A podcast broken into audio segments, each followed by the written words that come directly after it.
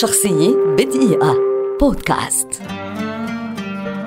شتيفي جراف لاعبة كرة مضرب ألمانية سابقة ولدت عام 1969 وتعد واحدة من أفضل لاعبات التنس على مستوى العالم في تاريخ اللعبة.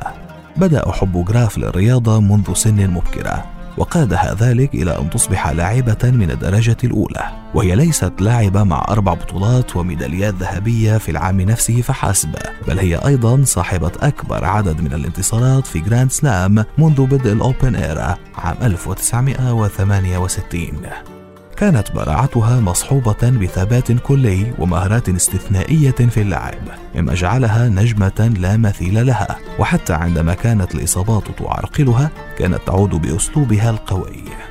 فازت جراف خلال مسيرتها المذهلة ب 22 لقبا ضمن بطولات الجراند سلام. عام 1988 أصبحت أول لاعبة تفوز بالجراند سلام الذهبي عندما تمكنت من الفوز بألقاب البطولات الأربعة الكبرى إضافة إلى إحرازها الميدالية الذهبية في أولمبياد سيول.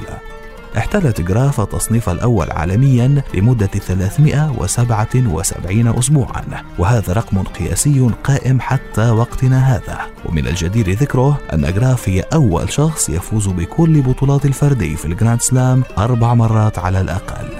عام 2000 اعتزلت الأسطورة شتافي جراف اللعب وهي الآن متزوجة من لاعب التنس الأمريكي السابق الأسطورة أندري أجاسي منذ عام 2001 ولهما طفلان. شخصية بدقيقة.